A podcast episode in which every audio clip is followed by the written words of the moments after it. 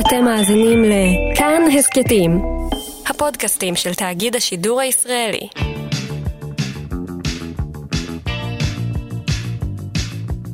אהלן, אתם על כאן 88, אני רומטיק, הערב אני אהיה כאן במקום ניר גורלי, ואת השעה הקרובה אנחנו נקדיש לספר חדש, ספר שהוא בגדר אירוע חריג בתרבות הישראלית אפשר לומר, אסופת מאמרים בנושא פאנק, כתובה כולה בשפת הקודש. לספר הזה קוראים רעשים בלתי ידועים, הוא יוצא בהוצאת רסלינג, וערך אותו דוקטור ארי קטורזה, חוקר מוזיקה פופולרית, הוא מוזיקאי בעצמו. אהלן ארי. שלום, שלום. בספר מופיעים מאמרים שלך לצד מאמרים של עמיחי שלו, נפתלי וגנר, דיוויד גרייבס, דותן בלייס, אדם יודפת, יצחק בנימיני, מירב קטורזה, סגול 59, ארנון פלטי.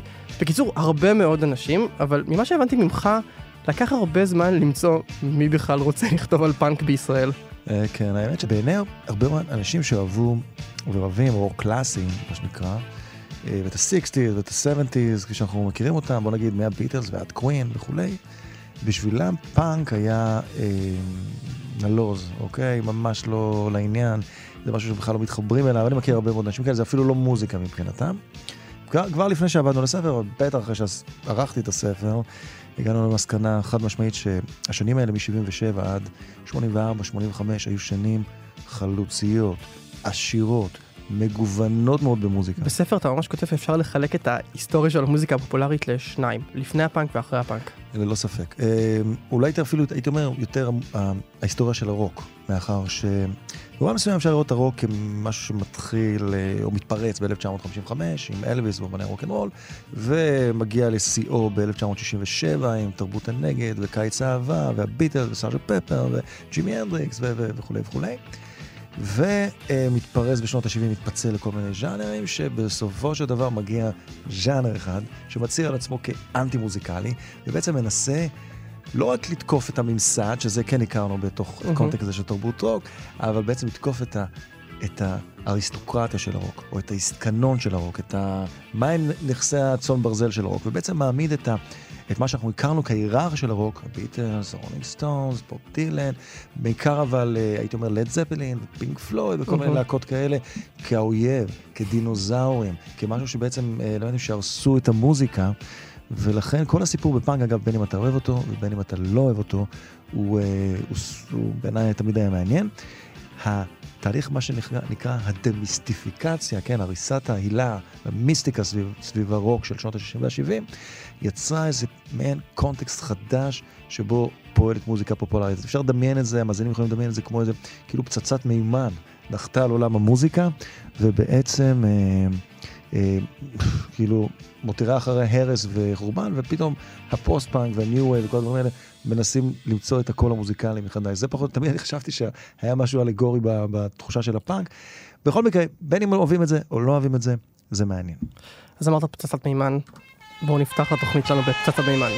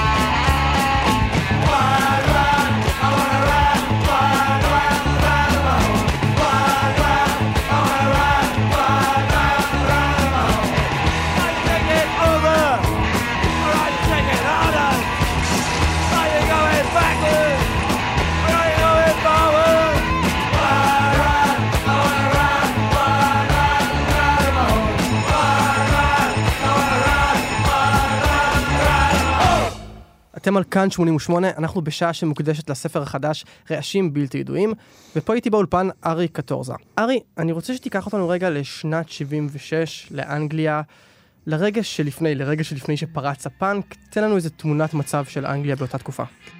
תראה, אפשר לראות את, אה, בכלל את ההיסטוריה של אה, אירופה בכלל, ובריטניה בפרט, של אחרי מלחמת העולם השנייה, כלפחות ההיסטוריה הכלכלית, כהיסטוריה נורא מוצלחת. בשנות ה-50 וה-60 בעיקר, המדינות האירופאיות המערביות, אלה שקשורות גם לאמריקה, ונהנות ממה שנקרא תוכנית מרשל, אה, נהנות משפע חסר תקדים. אולי עדיין לא בקונטקסט האמריקאי, אבל מדגדגים אותו, והם עוד שנייה מגיעים אותו. באופן כללי, אחרי מלחמת העולם השנייה, בדיוק. העולם חווה שפע כלכלי... כן, מהשבר הזה של המלחמה, מההרס של המלחמה בעצם צומח עולם חדש, של... אה, הייתי אומר, מעל הכל יש איזה מין אה, אידיאולוגיה כלכלית חדשה. הרעיון הוא היה שבעצם עד לפני המלחמה בעצם השמאל האירופאי ובטח האמריקאי דרש בעצם מהפכות קומוניסטיות וסוציאליסטיות. ובשלב מסוים, אחרי שהם הבינו מה קורה עם ברית המועצות, השמאל, גם הברית, גם באירופה, במקומות שונים, למעשה אה, אה, חלק נכבד ממנו. הוא אומר, אולי, אולי קפיטליזם, אבל קפיטליזם הוגן, הוא הדבר הטוב ביותר שהאנושות יכולה לקוות אליו. ולכן צריך להמשיך בצורה הזאת, צריך לעזור לחלשים, צריך לתמוך, צריך לכונן מה שנקרא מדיניות סוציאל דמוקרטית, זה בעצם שעתה הגדולה של הסוציאל סוציאל דמוקרטים, ו, אבל, והסיפור הזה מחזיק מעמד אה, שני, בעצם... שניים, ועשור, רק נגיד שניים וחצי עשורים, אבל בשנות ה-70, כבר בתחילת שנות ה-70, אה, ניכרים כל מיני אה, בעיות במודל הזה, ולכן יש בעיות בכל מיני מקומות, ובבריטניה זה תוקף ביתר שאת. אז בעצם, אם אני מבין נכון, אחרי מלחמת העולם השנייה, העולם חווה אה, שפע כלכלי מאוד מאוד גדול. העולם הולך לכיוון של מדיניות של שוק חופשי, של קפיטליזם, אבל עדיין חדש, עם כן. מעורבות של המדינה. זאת אומרת, כן, זה... מעורבות, אה, אה, אולי שממשיכה במקומות מסוימים דברים בשנות ה-30 כמו באמריקה, אבל אולי חסרת תקדים גם בממדים אחרים. ובכל מקרה, זה הרגע, הרגע הגדול של אירופה, הרגע הגדול של ארה"ב, שטראמפ אומר, אגב, let's make America uh, great again, הוא בדיוק מתכוון לרגע הזה, mm-hmm. לרגע הזה שבאמת אמריקה הייתה באמת great. אבל עדיין יש אתוס סוציאליסטי, איגודי העובדים הם מאוד כן, חזקים. כן, כן, בדיוק. בעיקר אגב בבריטניה. Mm-hmm. בבריטניה אגב השפע הוא פחות ניכר, זאת אומרת הוא ניכר, אבל לא כמו, כמו שאנחנו רואים אותו בגרמניה ובצרפת ובמקומות אחרים. בארצות הברית כמובן. וכמובן בארצות הברית. וכבר מתחילת שנות ה-70 אנחנו יודעים ליותר מדי בעיות, בעיות של אבטלה, בעיות של חוסר אה, ייצור מספיק, בעיות של יחסי המדינה והעובדים, ומעל הכל הרעיון שהאיגודים המקצועיים מסרבים לקבל את ההיגיון של איך משפרים ומצילים את הכלכלה הבריטית. Mm-hmm. שלושה ראשי ממשלה, אגב, גם מהשמרנים וגם מהלייבור מנסים לתקן את זה. התחושה בבריטניה היא שהמדינה לא מתפקדת. אגב, בשנת 78-9, בחורף הזה שקוראים לו חורף אי הסכמה, כמעט כל המדינה מושבתת. יש הכי הרבה שביתות מאז שנות ה-30 בארצות הברית, מאז השפל הגדול. בבריטניה יש, אה, הקברנים לא קוברים את המתים, אה, מכוניות הזבל לא אוספות את הזבל. מי שאם היית מגיע ללונדון, היית רואה ערימות של זבל, היית רואה כאילו מדינה בבלגן אחד שלם, כאשר ראש הממשלה, אגב, ג'יימס קלהן, נוסע לקריבים ושוחה בבריכה בנופש שלו, והעיתונות אה, מצלמת אותו שוחה וכותרת ענקית, קרייסיס? what crisis? כאילו בציניות מאוד גדולה. אבל זה היה, הייתי אומר, הרקע הכלכלי לפאנק עצמו. בעצם הפאנק היה מזה שנים mm-hmm. קול של דור שמרגיש שאין לו עתיד. שההבטחה לא מומשה, כן, של הדבר הזה שהבטיחו לו אחרי מלחמת העולם השנייה, הוא לא קורה. בעצם בריטניה, באופן מוגזם אגב, אמרו את זה, היא סוג של משטר פשיסטי שונה. ולכן אנחנו נבעט... משטר ב... פשיסטי כן, שונה? כן, לא, זה כמובן, זה לא היה, לא היה, לא היה זה כאילו אה, אחיזה בקרקע, ובאמת זה, זה כאילו טיפשי היה להגיד את זה, אבל התחושה, התחושה בקרב האומנים עצמם, הסקס פיסטלס ואחרים היה כן, שכאילו יש פה איזה משהו, אה, אה, אה, כמעט הייתי אומר פרוטו-פשיסטי, כן, הוא לא לגמרי פשיסטי, אבל... והם הגזימו, אבל זו הייתה התחושה שלהם, ועל זה הם כתבו שירים, וזה דרבן את המוזיקה בעצמה. ובאמת על זה אתה גם כותב בספר, שהשבר הכלכלי-חברתי היה משבר מסוים קורה, yeah. כן. אבל היה משבר יותר עמוק, שזה היה משבר של איך שאדם תופס את עצמו. כן, משבר הייתי אומר, מעין משבר פילוסופי, הוא משבר בקרב האינטליגנציה. מעניין. אה, תראה, בעידן המודרני, שזה הייתי אומר מהמאה ה-17, ואולי מהמהפכה הצרפתית, ומהפכה התעשייתית, כל אחד רוצה לראות איפשהו, האדם מרגיש שהוא מתקדם, בגלל הטכנולוגיה, בגלל תורות פילוסופיות, בגלל תורות כלכליות. ולראשונה מזה הרבה זמן, בשנות ה... אחרי 68, אחרי כישלון מרד הסטודנטים, בעצם בגלל שהכישלון הזה לחולל סוג של מהפכה אה, מרקסיסטית לטובת הכלל, כפי שראו אותה האינטלקטואלים, רובם היו רובם היו מרקסיסטים, עד כדי קומוניסטים. אה, הם פתאום מתחילים לחשוב שבעצם האדם לא יכול לשנות את הגורל שלו. הם מסתכלים מה קורה בברית המועצות ורואים שזה בעצם כל השיטה הזאת שהם האמינו בה לפני כן היא, היא לא שווה הרבה, זה כאילו משטר שפשט את הרגל, עוד בשנות ה... בשנות ה-60 וה-70, ובעצם שורה שבעיקר באינטליגנציה הצרפתית מתחילים בעצם לצאת מהרעיון הזה, אבל מה שעולה במקומו זה סוג של, הייתי אומר, זה שילוב נורא מעניין של ציניות מצד אחד, מצד שני איזה סוג של אה, פרודיה מצד שני, מצד שני איזה חוסר תקווה. הדברים האלה, הפרודיה, הציניות וזה, הם נעים ביחד, וזה התפתח לכדי תיאוריות פילוסופיות של מה שאהבו לקרוא באקדמיה ובעיתונות כמובן, פוסט-מודרניזם. אוקיי, אוקיי, אז פוסט-מודרניזם זו מילה ש- שאומרים הרבה, ואנחנו כנראה גם נאמר אותה עוד הרבה בתוכנית הזאת, אז בוא תסביר לנו אחת ולתמיד. מה זה לעזאזל פוסט-מודרניזם? כן, פוסט-מודרניזם אגב זה לא משהו אחד, ואין הסכמה גם כללית אה, מה זה אומר בדיוק. הייתי אומר שלושה משברים מאפיינים את הפוסט-מודרניזם. אחד זה משבר מה שקוראים המשבר ההומניסטי. בעצם האינטלקטואלים או האינטליגנציה לא מאמינה שאדם יכול לשנות את, ה, את גורלו, את המצב שלו. יש מה, יש, בני אדם הם, הם, הם חיה לא מאוד מתוחכמת בהרבה מובנים, ולכן הם, אה, אה, הם, מציג, הם מציגים איזה עולם שהוא מאוד ציני, ונשלט על ידי כוחות שונים, ועל זה מדבר מישל פוקו ואחרים. ו... וזה דבר אחד. הדבר השני זה בעצם משבר השפה. בעצם הרעיון הפוסט-מודרני מדבר על זה שבעצם כל... דבר שאני כותב או אומר, הוא לא, אין, אין, אין לו קשר למדע, יש לו קשר יותר לאג'נדה. בעצם אם אני כותב ספר, למשל את הספר הזה, אז יבוא פוסט-מודרניסט ויגיד, אה, תקשיב, ברור שאתה כותב את הספר הזה כך, זה לא באמת אה, מדע מדויק, זה בעצם האג'נדה שלך, ארי, על איך שאתה רואה את הדברים, ואתה מחבר את העובדות כפי שאתה חושב, וכמובן זה פוליטי, יש לך אג'נדה בדבר הזה, ואתה, ואתה מציג את זה בצורה הזאת. והמשבר השלישי, שהוא מאוד חשוב לעניין של המוזיקה, הוא מה שמכנים משבר ההיררכיה. ו...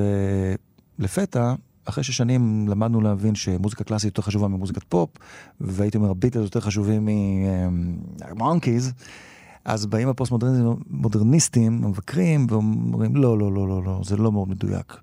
יש דווקא מוזיקה, בעצם אנחנו חיים בעולם שהוא כולו ציני. אממ. מדונה צדקה שאמרה, we, uh, we live in a material world, and, uh, ולכן אני material girl, מאחר שזה העולם. היא בעצם, היא אותנטית יותר מכל אחד אחר. היא בעצם סוג של אותנטית בצורה אי אותנטית. וזה מתקשר למה שאמרת קודם לכן, שאתה יודע, שהייתה את האליטה של הרוק. זה מצחיק, כי אה. הרוק התחיל בשנות ה-50 כמרד בפני עצמו. בשנות אה, ה-60 כמובן. המורדים אה, עלו לשלטון, את האצולה, את הביטלס, את הסטונס, אבל גם הם הזדקנו, הם הפכו לבורגנות של הרוק. נכון. ואז אנחנו מגיעים עכשיו לנובמבר 76, שיוצא באנגליה השיר הזה.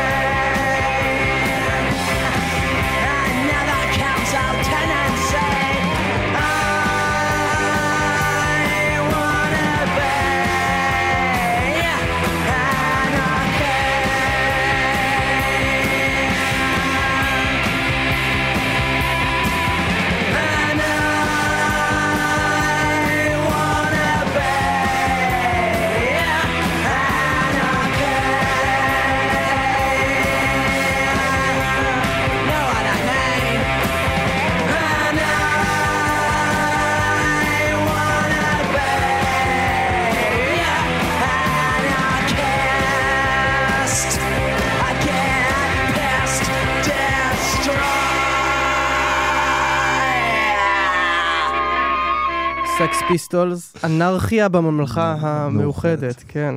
ארי, תגיד, כשהשיר הזה יוצא בסוף 76, למה הוא כל כך מהפכני? למה לדעתך הוא שינה את ההיסטוריה של הרוק? אולי לפני שנגיע לדבר הזה, רק אני אגיד אולי משהו מאוד חשוב. אוקיי. אה, מלקום מקלרן, שהוא האמרגן של הסקס פיסטולס, אה, מושפע משתי תורות, מ- אולי תורה אחת מרכזית מעל כולם. אה, והיא תורה שקוראים לה סיטואציוניסטים או סיטואציוניסטים. הושפע המשור- באופן ישיר? זאת ישיר, כן, ישיר. זאת אומרת, הוא, השורשים של התנועה הזאת היא תנועה אנרכיסטית עם שורשים מרקסיסטים קיצוניים ביותר. מצרפת עוד בשנות החמישים, הם מושפעים אגב אומנותית מדאדה וכל מיני אה, צורות אומנות אה, אלימות אפילו הייתי אומר במובן כזה ואחר. והמטרה שלהם הוא אה, אה, בעצם הזעזוע, אומנות הזעזוע היא חלק בלתי נפרד מה, מה, מהתורה הזאת. והסיטואציוניסטים הם מאמינים לא בשמאל ולא בימין, הם מאמינים באנרכיה. עכשיו הדבר הזה הזוי לחלוטין, איך אפשר להאמין באנרכיה, איך אפשר לנהל חיים של אנרכיה, אבל ככל שזה היה לא מציאותי תכלס הלכה למעשה, אומנותית, זה, זה היה לזה, אה, זה תפס קרקע אדירה של, הייתי אומר, אומנים והמרגנים, מנהלים, כל מיני פרשני תרבות שהתלהבו מה, מהסיפור הזה בבריטניה בתחילת, בסוף שנות ה-60, תחילת שנות ה-70. מאוד מתאים לרוח של התקופה שתיארת כן, כן. קודם. אחד מהם היה מלקום מקלרן, שהוא אה, פותח אה, עם עוד מהצוות ועוד אה, אה, ויוון ווסטווד, הוא פותח חנות שקוראים לה סקס, והם כותבים, מוכרים שם אה, בגדים אה, אה, מזעזעים בפני עצמם ומאוד מיניים, אבל מיניות בוטה מאוד ומזעזעת אז כאחד. מלקולם מקלרן לפני שהוא היה אמרגן, הוא היה מוכר בגדים? כן, הוא היה בעצם, הוא למד אומנות, אגב הוא למד אומנות, ו- וכמו אגב הרבה מאוד אנשים שהיו מעורבים במוזיקת הפופ והרוק בבריטניה, הוא, יצא, הוא היה בוגר בית ספר לאומנות, אבל הוא רצה בשלב מסוים לעשות יצירת אומנות שהיא לא קנבס, כן, אלא בעצם להקה חיה. והוא נוסע תקופה מסוימת, אחרי שהוא עושה את החנות, הוא נוסע לארצות, לארצות, לאמריקה, שם הוא מנהל את ה... את אה, להקה שקוראים לה ניו יורק דורס, וגם שם הוא אומר להם, תקשיבו, אתם רוצים לזעזע את האמריקאים, מה הכי מזעזע? מה הכי מזעזע האמריקאים בשנות ה- בשנות ה-70? קומוניסטים, הצבע האדום. אז בואו נעשה את הבמה האדומה, בואו נעשה דגלים אדומים, בואו נלביש אתכם באדום, בואו נזעזע. הם לא כל כך מסתדרים איתו, ואז הוא חוזר לבריטניה, ואני מקצר מאוד את הדבר, לאט לאט הלהקה הזאת, הסקס פיסטול, הם מתקבצים על ה... ליד החנות שלו, כאשר בסוף הם בוחנים על פי המיתוס, כן, את אה, ג'וני ליידון, שבא לאודישן עם החולצה I hate Pink Floyd, ובעצם הם ידעו שהוא מתאים. זה סיפור ידוע במיתולוגיה של הרוק, אבל זה סיפור אמיתי. כן, היה קשה לדעת, קשה לדעת, יש כאלה שאומרים שכן, אבל uh, יש כל מיני ורסיות שאני, uh, אולי כן. Uh, בוא ניתן לו, איך אומרים, איך אומרים uh, אנטוני ווילסון מפקטורי רקורד, uh, אם אתה צריך לבחור בין האגדה ל- לפיקציה, תדפיס את האגדה, בואו לא ניתן לעובדות להרוס את הסיפור. בדיוק. Uh, ו... ובעצם כאשר הוא יוצר את הלהקה, אז הוא בא ל... אה, עכשיו, שני דברים הוא אומר, הוא אומר, להקה לא צריך לדעת לנגן. בכלל, לנגן זה לא מעניין, להקה צריכה שיהיה לה אמירה, ולא צריך את הרוק המתקדם, ולא צריך את הסולואים האלה של רוק כבד, ולא צריך, אה, בטח לא האיגרס וכל מיני להקות כאלה מלוקקות מבחינתו. אה, אנחנו צריכים זעם, ואנשים שיש להם מה להגיד, ולהגיד משהו אמיתי לקהל עצמו. ולא פחות חשוב, אתה צריך לעשות את זה בעצמך. אם החברות הקטעים לא מבינות, תעשה את זה בעצמך. הבעיה עם, מלקום מקלרן, DIY, do it yourself. כן, do it yourself. ששום דבר מזה הוא לא מיישם. בעצם מה שהוא מיישם, הוא הולך ל-EMI, התאגיד הגדול, ואומר להם, משמיע להם את- את אנרכי in the UK, ואומרים לו, תקשיב, לא יודע, לא, לא יודע, לא ברור לנו, אנחנו מתחברים, אומרים לו, ברור שאתם לא מתחברים, אתם זקנים, אתם אה, עברתם את, אה, עברתם את גיל אה, 30, אנחנו יודעים מה הצעירים רוצים, והם אומרים, יאללה, בוא ניתן לזה צ'אנס, ונותנים לזה צ'אנס. האמת שהשיר יוצא, הוא שר, אה, אה, אה, נאסר לשידור ב-BBC, אבל מה שקורה, מה שקורה, הם מוזמנים לתוכנית טלוויזיה של ביל גרנדי, שהיום בתוכנית, הסיפור הזה נורא מפורסם, הם בעצם תוך כדי התוכנית הם מעליבים ומקללים את, את, את המראיין, זה כמו איזה דן שילון של, של שנות ה-70, ואחרי זה, זה מת, הפאנק מתפוצץ, כאילו העיתונים מדווחים על זה, קוראים לזה הזעם והזוהמה, ומפה בעצם הפאנק מתגלגל לכדי תנועה מוזיקלית ותנועה תרבותית ותנועה חברתית, אתה רואה כל מיני פאנקיסטים ברחובות, פתאום זה גדל, זה, זה הרגע שבו זה קורה, ולכן השיר הזה בסופו של דבר מביא איתו יותר, כן, מביא, איתו- מביא, מצית את התנועה, אפשר להגיד את זה בצורה הכי טובה. אבל אולי צריך לתת פה איזה חידוד, כי אני חושב על, אה, על אה, הילדים ששומעים את התוכנית שלנו. אתה יודע, היום זה לא נשמע לנו כזה מהפכני הדבר הזה, בסופו של דבר כמה אקורדים, להקת ואז גיטרה רוק. אבל צריך להסביר שמלבד אה, הסברנו את המרד ואת הרקע החברתי-כלכלי, אבל בשנות ה-70 אה, הביטלס כבר לא היו קיימים. כן. אה, והסטונס כבר היו באיזה פאזה אחרת. שנות ה-70 זו תקופה של רוק פומפוזי. זאת אומרת ש... בחלקו, כן, ש- בחלקו. 73 יוצא Dark Side of the Moon, אה, הרוק המתקדם הוא הדבר הכי טרנדי, והפאנק בעצם מבקש להש... להחזיר את הרוק למימדיו המקוריים. בהחלט. זאת אומרת, הרעיון הוא, אה, כן, לבעוט במוזיקליות הבורגנית של הרוק המתקדם, לבעוט בקאנטרי רוק ה- ה- מבחינתם מבחינתם הנלעג הזה של האיגלס. למרות שהוא מנוגן מופלא ומעובד לעילה ועילה, אבל מבחינתם זה היה כאילו משהו יותר מדי מסחרי, זאת אומרת התעשייתי, אז הם כאילו אה, אהבו לתקוף את הדבר הזה גם בארצות הברית. אה, הסיפור אולי אחד הכי מפורסמים הוא קורה במנצ'סטר, כאשר סקס פיסטול בקיץ 76 מגיעים לשם, נותנים הופעה, על פי שוב פעם המיתוסים, בקהל Mhm. יש כמה עשרות אנשים, המספר הוא 46 אנשים, אבל לך- תבנה על זה. בכל מקרה כמה עשרות אנשים, ובעצם כמעט כל אחד מהם או מקים להקה, או אה, אני להיות אותך, אל. תעשה ספוילרים להמשך, כי תכף נדבר על הלהקה שהוקמה מאותה בכל מקרה, אז, הופעה אז היה להם. השפעה, זאת אומרת, הסקס פיסטול היה להם השפעה אדירה על כמה להקות יקומו אחריהם, כן? ובעזרתם ובהשפעתם ובהשראתם, וזה היה חשוב מאוד. אבל מבין השורות שלך, אני גם שומע איזה מין אה, ביקורת. זאת אומרת, זה לא היה, איזה, אתה יודע, מרד נורא נורא מתוחכם עם תוכן, זה בסופו של דבר כמה ילדים מעצבנים שבאו להרגיז. כן, האמת, אה, תראה, תמיד המרידות של, אה, הייתי אומר, תרבות פופולרית, הם. הם מעין סוג של בדיחה, בדיחה טובה, בדיחה מוצלחת. אה, לפעמים זה, אגב, מעבר לבדיחה, זה, זה משנה את האספקטים של, אה, של, של אה, ריטואלים חברתיים, תרבותיים, כמו בשנות ה-60, אתה יודע, אחרי היפים, החברה הופכת להיות הרבה יותר מתירנית. אבל הסקס פיסטלס, אה, הייתי אומר, הם כמו רשומון. מצד אחד יש את הסיפור הזה שמלקום מקלרן, הוא עושה מני... תרמית רוקנרול, הוא בעצם Mhm. עובד על כולם. ויוצא, ואגב, הוא תיעד את, ה, את האג'נדה שלו בסרט שקורא, אה, בשם The Great Rock and Roll Swindle, תרמית הרוקנרול הגדולה. ממש איך שקצת אחרי שהסקס פיסטל אה, התפרקו, יוצא הסרט הזה מהנקודת מבט שלו. מה זאת אומרת, באיזה אופן זה תרמית?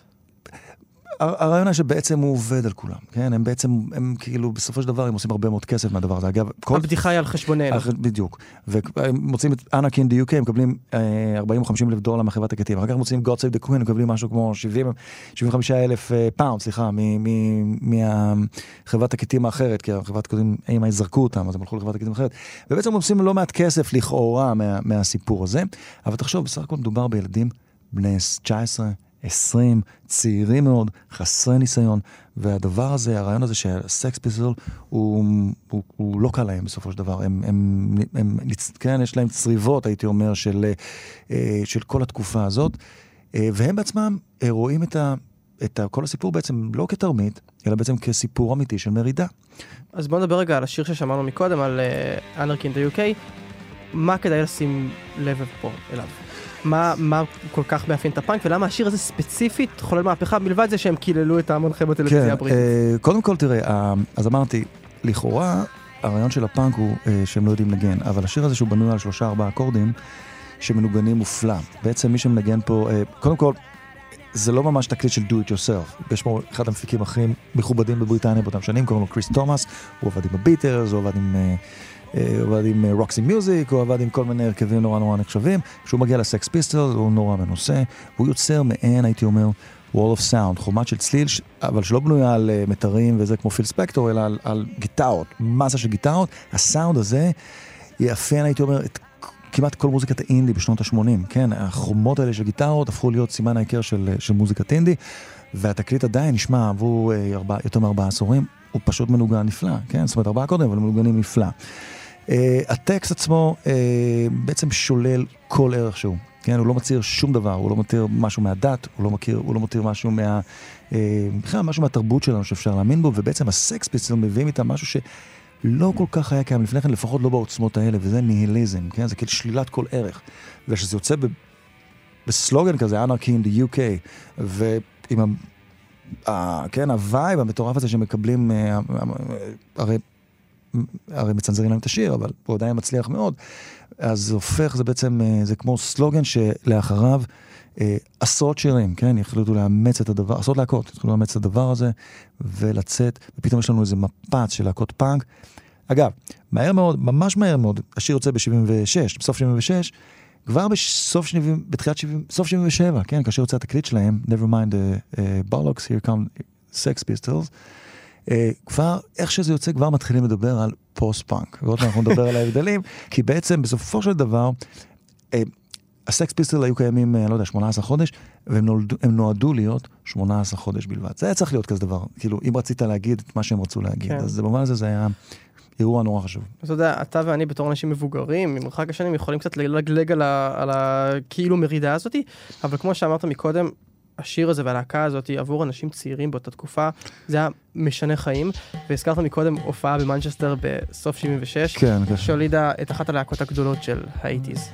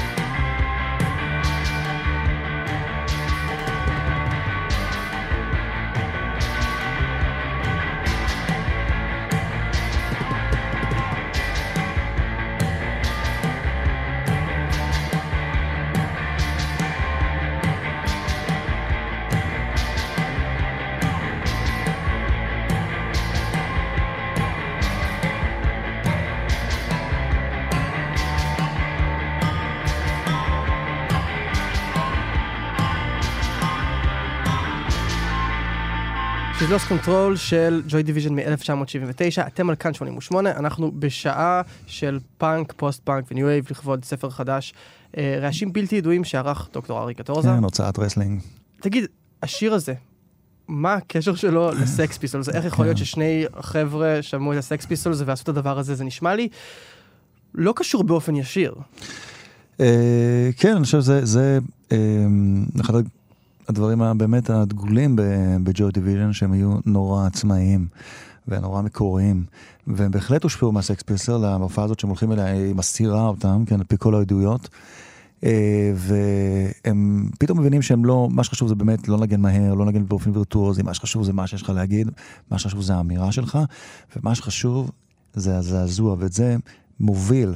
אה, עולים כמה אנשים, אבל בין היתר, מעל כולם, אה, בחור נורא נורא מעניין, שקוראים לו אנטוני ווילסון או טוני ווילסון.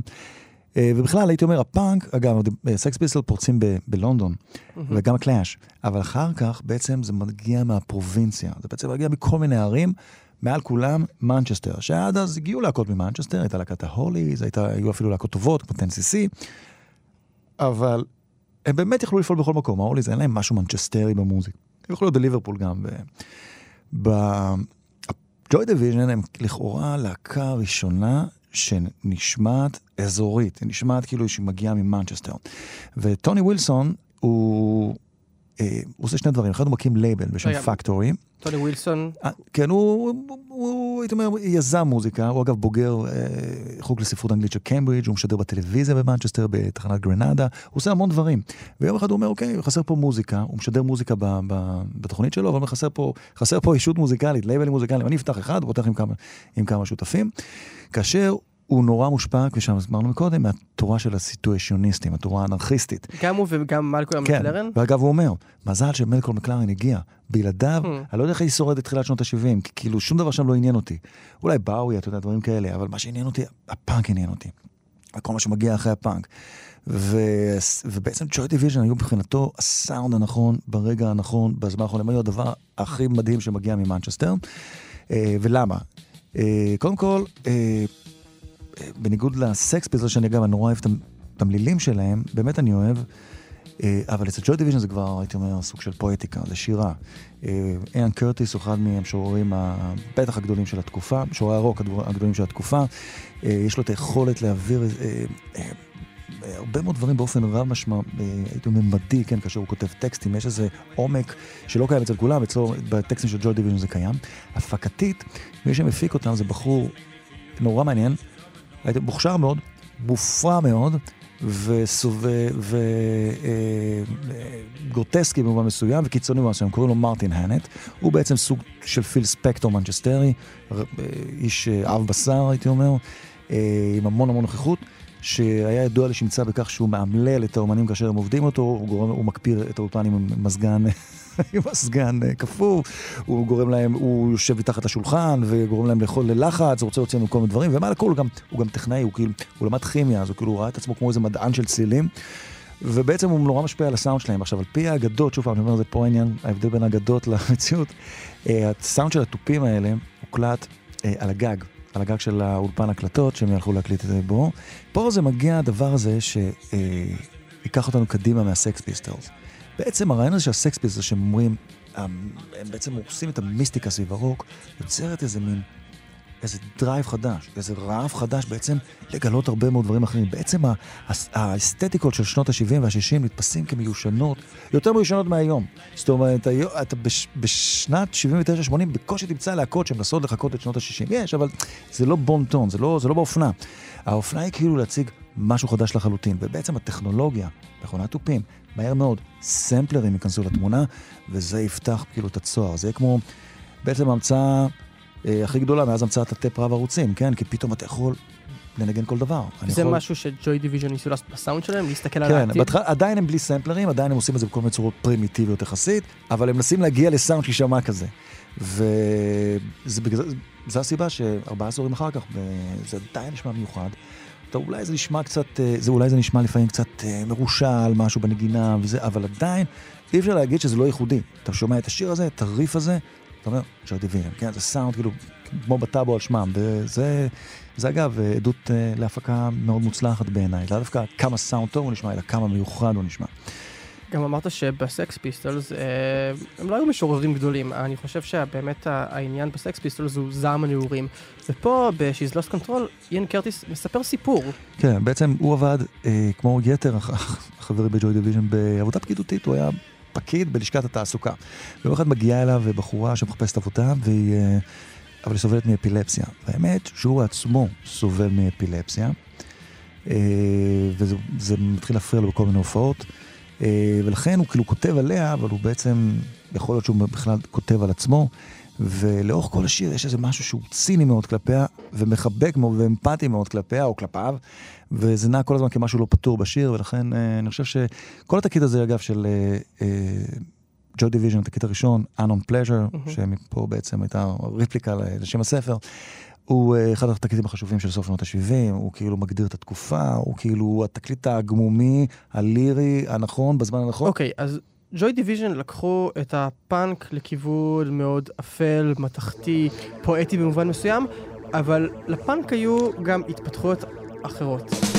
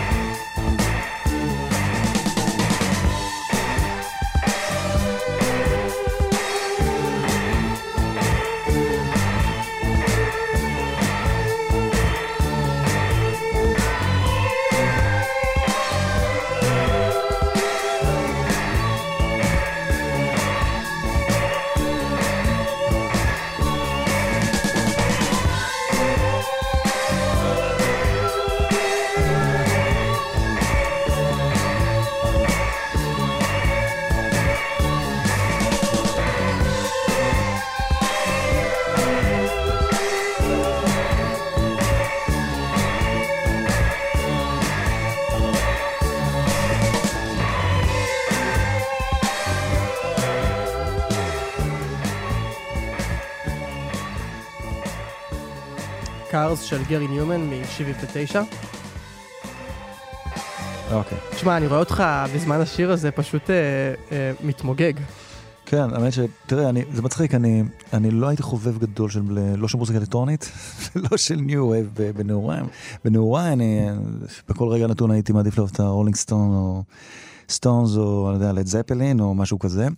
אבל אין ספק- גיטרות. כן, אבל אה, אין ספק ש... אין ספק שכל מה שמתחולל פה מג'וי דיוויז'ן לגרי ניומן, ובעיקר ההשפעה הזאת של קראפטוורק וזרם הזרם הזה שקוראים לו קראוטרוק, רוק הכרוב שמגיע מגרמניה, ומשתמש למרבה האירוניה במיטב הטכנולוגיה הגרמנית, שבמקרה הזה מדיסלדורף. אה, משנה, הייתי יוצר איזה, הייתי אומר, זרם חדש במוזיקה, כל מה שקוראים אלקטרופופ, סינט-פופ, אה, גם כן אחד הילדים של הפאנק, או הפוסט-פאנק. שכבר בזמן אמת קראו לו, קראו לו New Wave, אני עוד- מעט נסביר אז את רגע, זה. אני רוצה לעשות פה סדר, כי באמת דיברנו עד עכשיו על פאנק, שזה כן ז'אנר שמגיע מהשוליים, בא עם הרבה מאוד זעם, והולך בהמשך לכיוונים, אמנם אה, אה, יותר פואטיים ואינטלקטואליים של ג'וי דיוויז'ן, אבל זה עדיין אה, מוזיקה שמכוונת לש, לשוליים האפלים. ואתם גם דיברת על מה שקורה בגרמניה, על קראפטוורק, על כל האלקטרוניקה הניסיונית, והנה מה שמענו עכשיו, Cars של גרי ניומן, אפשר לומר זה די פופ. כן, מה שקורה, אה, אה, באותה תקופה אבל הוא נחשב כפופ חלוצי ביותר. אה, הוא נחשב כמשהו שלא נשמע עד אז. לא בצור, לא... לא היו טרקים אלקטרונים, לפחות לא כאלה, עד שגרי ניומן יצא, ובגלל זה זה היה נורא ייחודי. זאת אומרת, דיוויד בואי עשה בתקליטי ברלין שלו, שהוקלטו, רוב הטרקים שם הוקלטו בברלין, לא כולם, אבל אה, עשה דברים דומים לזה, ומאוד הושפע בעצמו מקראפטוורק ומלהקות קראוטרוק אחרות. אבל גרי ניומן לוקח את ההשפעות האלה שבאו ולתוך ה, אומר, לתוך המיינסטרים. עכשיו, מה ההבדל בין אה, פוסט-פאנק לפאנק? למעשה, הפוסט-פאנק לוקח מהפאנק את, ה, את הרעיון החתרני, הייתי אומר. לוקח את הרעיון הזה של הוא, הוא לא רוצה להגיע לסולואים ארוכים ונגינה וירטואוזית וכל הדברים האלה. אבל הפוסט-פאנק, וגם ה-new wave דרך אגב, כן הם מתחברים יותר מהפאנק למוזיקה שחורה. בין אם זה רגעי, סקה, אה, דאב, כל מיני, הייתי אומר, אה, ז'אנרים ג'מייקנים וילדיהם. ובין אם זה אה, ממש כל מיני צורות של בלוז, אבל בצורה נסתרת. זאת אומרת, מי שומע את השיר הזה בכלל, הוא לא... קשה איפה הבלוז פה, כן? השירה שלו היא לא בלוזית, תשמיע את זה מול מאדי ווטרס, לכאורה אין שום, אה, אין שום קשר. אבל דווקא שאני, למשל בספר, אני וארנון, דוקטור ארנון פלטי, ניתחנו את השירים האלה.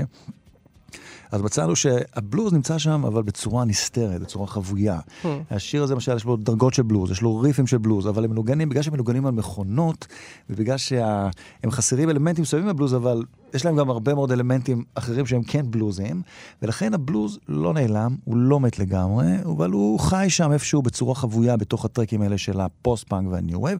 דרך אגב, מה ההבדל בין ניו וייב לפוסט-פאנק? אז רק הפוסט-פאנק, אני אגיד, הוא יותר, הוא באמת אינטלקטואלי יותר, הוא אה, הולך לכיוונים אקלקטיים יותר, הוא אה, לא נמנע מלאהוב מוזיקה שחורה. הניו וייב, בסך הכל, גם כן יש לו משהו מהדבר הזה, אבל לכאורה הוא יותר... אה, יש כאלה שרואים אותו, אה, הוורסיה יותר מסחרית, בכלל, של, של הפוסט-פאנק. בכלל, בכל הסיפור הזה של הפאנק, פוסט-פאנק, ניו וייב, אה, אין איזה הגדרות אה, מוחלטות שהן ברזל, כן? זאת אומרת, יש להקות שאני בח... אני, אני בזמן אמת בחיים לא חשבתי שהן קשורות בכלל לפאנק.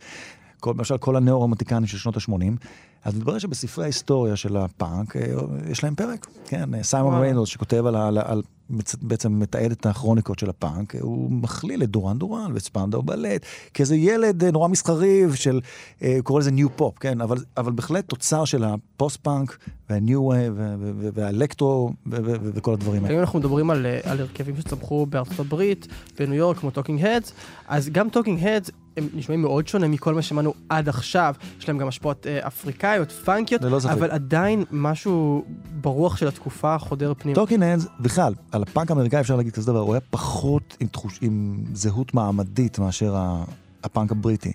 בכלל, כאילו הפאנקיסטים האמריקאים היו יותר, לקחו את הפאנק כסוג של באמת אסתטיקה, אופנה, לא היה באמת אה, משהו... אה, אה, באמת חשוב למרוד דרכו, זאת אומרת, נכון, היה את ווטרגייט בשנות ה-70 באמריקה, אבל זה בינינו, זה כאילו, זה פחות או יותר as far as it goes. הם כתבו על הפצצה האטומית, וכתבו על כל מיני, על ניכור, ועל, הייתי אומר, פוסט ניכור אה, ב- בניו יורק, אבל, אה, אבל לא, אה, אה, לא היה להם את ה... את ה את התת התרבות הזאת, כפי שהייתה בבריטניה, עם, שהייתה מאוד ויזואלית, והיית היית הולך ברחובות לונדון, היית, היית רואה, אה, היית רואה כאילו פנקיסטים הולכים ברחוב, זה היה כאילו עוצמתי. נכון שבסוף גם אה, התעשייה לא היה, בעיה, לא היה לה בעיה באמת אה, לסרס את כל הסיפור הזה של הפאנק, הם עשו את זה מאוד בקלות. פתאום ברגע שאתה מתחיל לעשות אה, איזה מתכונים פנקיסטים אוהבים, אתה פחות או יותר יודע שהסיפור... אה, עשו איזה מתכונים פטקיסטים. היו כל מיני, כן, תוכניות טלוויזיה, וכן, ואיזה בגדים, ומה הגרדרובה של כל פנקיסט, וכל מיני דברים כאלה, ידעת שהסיפור הזה מתחיל כן. להיגמר. תשמע, האמת שזה אה, ממש כואב לי שאנחנו לא נספיק להשמיע פאנק אמריקאי, אבל באמת אין לנו המון זמן. אבל יש כן מדינה שחשוב לדבר עליה, וזו מדינת ישראל. קרו פה דברים, בתחום הפאנק, סוג של, אני מציע, בוא נשמע כתבה ששודרה ביומן בערוץ הראשון ב-78. כן, יום העצמאות.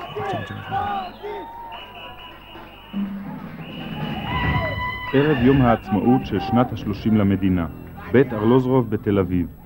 על הבמה זמר הפאנק רמי פורטיס. באולם מאות צעירים שרוצים לחגוג את יום העצמאות לא בקומזיצים ולא בריקודי עם. יום העצמאות, כמה שנים לרקוד אורה? זהו. מה יום עצמאות? תוכנת הפאנק הגיעה אלינו מאנגליה. זוהי כרגע הצעקה האחרונה של הצעירים בעולם המערבי. זוהי תרומתו של הנוער הישראלי לתרבותנו ביום העצמאות. קשה לראות בכך רק מוזיקה רעשנית ודוחה, היא עלולה להיות גם תופעה חברתית.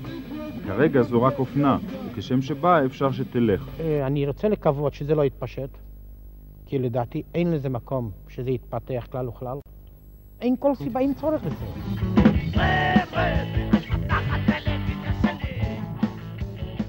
אז ארי, בשנים שבהן הפאנק שרף את רחובות לונדון, מה קרה ברחובות תל אביב וירושלים?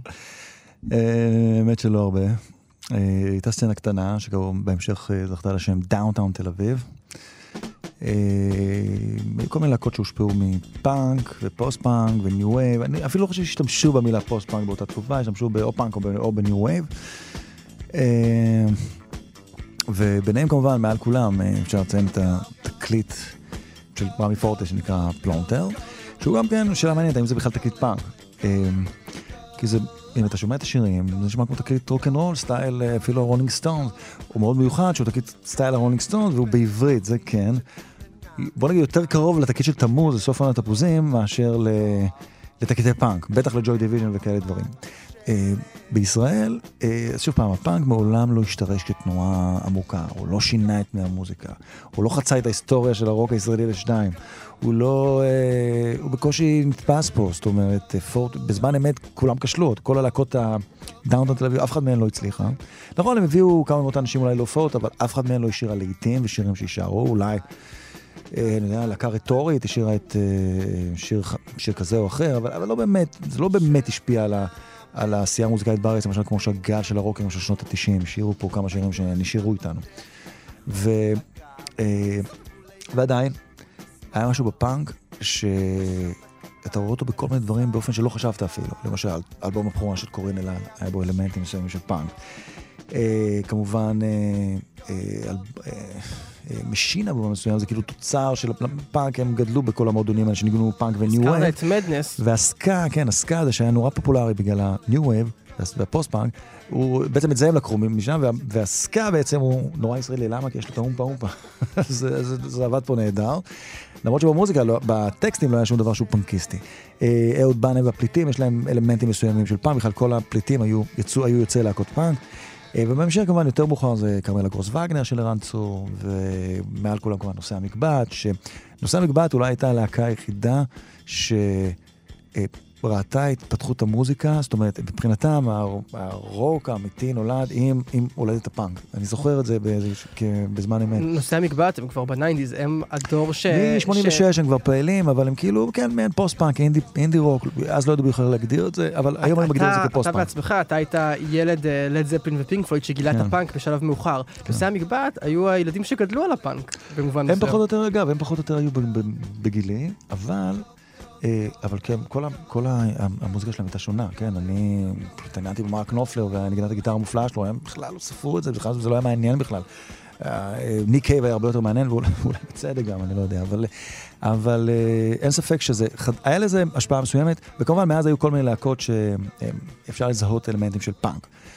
בכלל, אבל זה לא השתרש באופן אה, שורשי, אבל כמובן, כל מה שעשו פורטיס וסחרוב, אפשר לראות את זה כאיזה סוג של ילד של הפאנק, גם מפלונטר, שנכשל בזמן אמת, אבל זכה לתחייה כמובן בסוף שנות ה-80, וכמובן כל מה שהם עשו ביחד, אה, היה תוצר במובן כזה ואחר של, אה, של אג'נדת פאנק הזאת שאנחנו מדברים עליה, ו...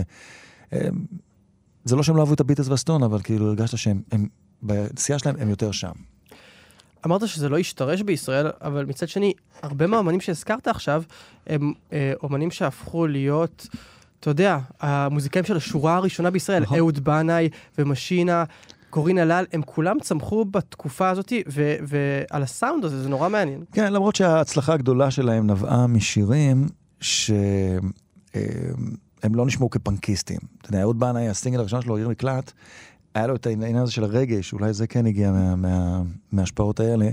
ובתקליט הבכורה של הפליטים יש כל מיני דברים נורא מעניינים של אינדי רוק, של כל מיני גיטרות נורא מעניינות. אבל אה, בוא נגיד, אם הוא היה נשאר, אם הוא היה מנסה לעשות את הסקס פיסטולס, כמו הסקס פיסטולס, כנראה שהוא הוא לא היה הופך להיות לאהוד בנאי, כי כל האג'נדה הזאת היא לא, לא כל כך התאימה פה. היה אלמנט אצל הקליק ואצל להקות כאלה שהיה להם איזו תפיסה אנטי-ציונית, או ביקורתית כלפי הציונות, כלפי- מה שאנחנו עושים פה, זה ניכר בתקליטים של הקליק, בשני התקליטים שלהם. אבל אה, זה היה די שולי, בינינו, זה היה די שולי, זה לא באמת אה, שינה את פני המוזיקה. כן, אתה יודע, אבל אצלנו בישראל הכל מגיע באיחור, ואני חושב ש... שהדבר הזה כן הגיע ברמה מסוימת בתחילת שנות חד משמעית, ה-90, כן. במחצית הראשונה של שנות ה-90, אבל זה נראה לי כבר אה, אה, תוכנית אחרת לחלוטין. כן. אמ, אז אתה יודע, לפני סיום אני אשאל אותך, הפרויקט הפנקיסטי, שהתחיל באמצע סוף שנות ה-70, הגיע עם אידיאולוגיה מאוד מאוד מגובשת. האם האידיאולוגיה הזאת היא הצליחה? לא יודע מה זה אומר הצליחה, זאת אומרת, היא כן אה, יצרה איזה סוג של בעיטה, כן? איזה חבר'ה שבאים ומרעננים את השורות. ואם היית, ספרים של, גם, של תמונות של רוקיסטים מ-74-5, מראים אותם, יש סרט, ספר נפלא של אה, גי פילהארט וניק קון, צייר ו, ועיתונאי, סופר, שכתב על, אה, על רוק. שבו רואים את uh, הרבה מהאומנים של שנות ה-70 כשבעים, uh, שמנים, uh, אין להם באמת מה להגיד, הוא מצייר אותם, כן, פילהרד מצייר אותם בצורות כאלה מאוד מעניינות. והפאנק, uh, זה היה כאילו הבעיטה הנכונה בזמן הנכון, זה היה כאילו הרגע הנכון שבו היה צריך כאילו לערער, כן, את הכל, גם אם אתה לא אוהב את המוזיקה, אבל זה כן, זה ערער את השורות. ויצר קונטקסט חדש לחלוטין, שאי אפשר להבין את ה-80's בלעדיו. זאת אומרת, אי אפשר להבין את הרעיון הזה של הליכה למכונות, מבלי להבין את הפאנק. מאחר שהפאנק ביקש לסיים את הסיפור של הרוק, הוא לכאורה פתח את הדלת הזאת למכונות, לרעיון הזה שכל מה שאדם עושה, המכונה יכולה לעשות טוב יותר. אה, דברים שהיו לפניו, אבל לא באותה צורה ולא באותה עוצמה, ולטוב ולרע זה מאוד השפיע על שנות ה-80. המאזינים יבחרו אם, אה, אם הם אוהבים את זה או לא.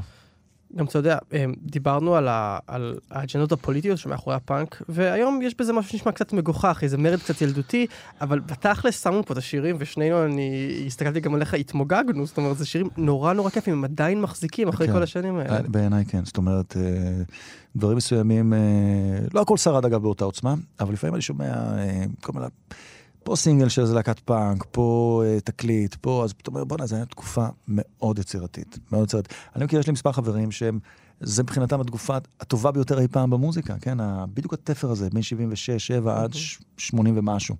ללא ספק, אה, אני מסתכל על התקופה הזאת אה, כתקופה עשירה, בועטת, פורצת דרך. אה, ומאוד, עם, עם השפעה על הרבה מאוד דברים, ואני בהחלט ממליץ לחבר'ה, למי שכן מעניין אותו, לעיין בספר. אז לספר הזה קוראים רעשים בלתי ידועים. כותרת המשנה שלו היא פאנק, פוסט פאנק וניו וייב, ואני ממש מקווה שאחרי השעה הזאת אתם טיפה מבינים מה זה פאנק, פוסט פאנק וניו וייב. תחת הספר הזה יש פה מאמרים מעולים של אחלה כותבים. אה, אפשר למצוא את הספר הזה בכל החנויות כן, המובחרות. ואפשר להזמין, ובטח מהאתר של רסלינג, אם לא מוצאים את זה בחנויות, או להזמין דרך החנויות, וכן, דוקטור ארי קטורזה, המון תודה שבאת. תודה לך, רום. אנחנו נסיים עם משהו משלנו, קצת פורטיס. כדאי שתדעי, כן, כדאי שתדעי. המוות אינו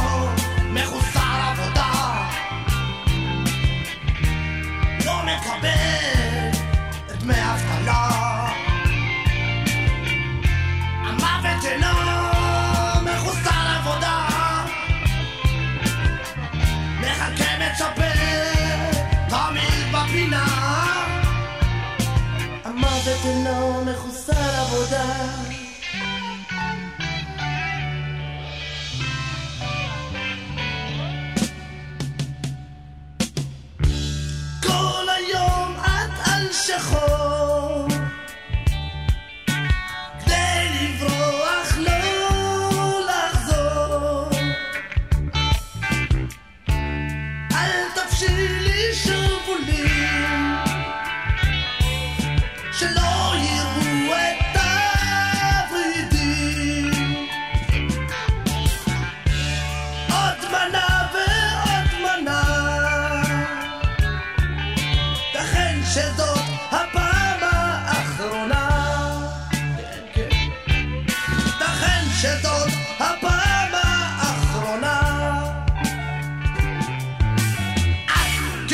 כדאי שתדעי, כן, כדאי שתדעי.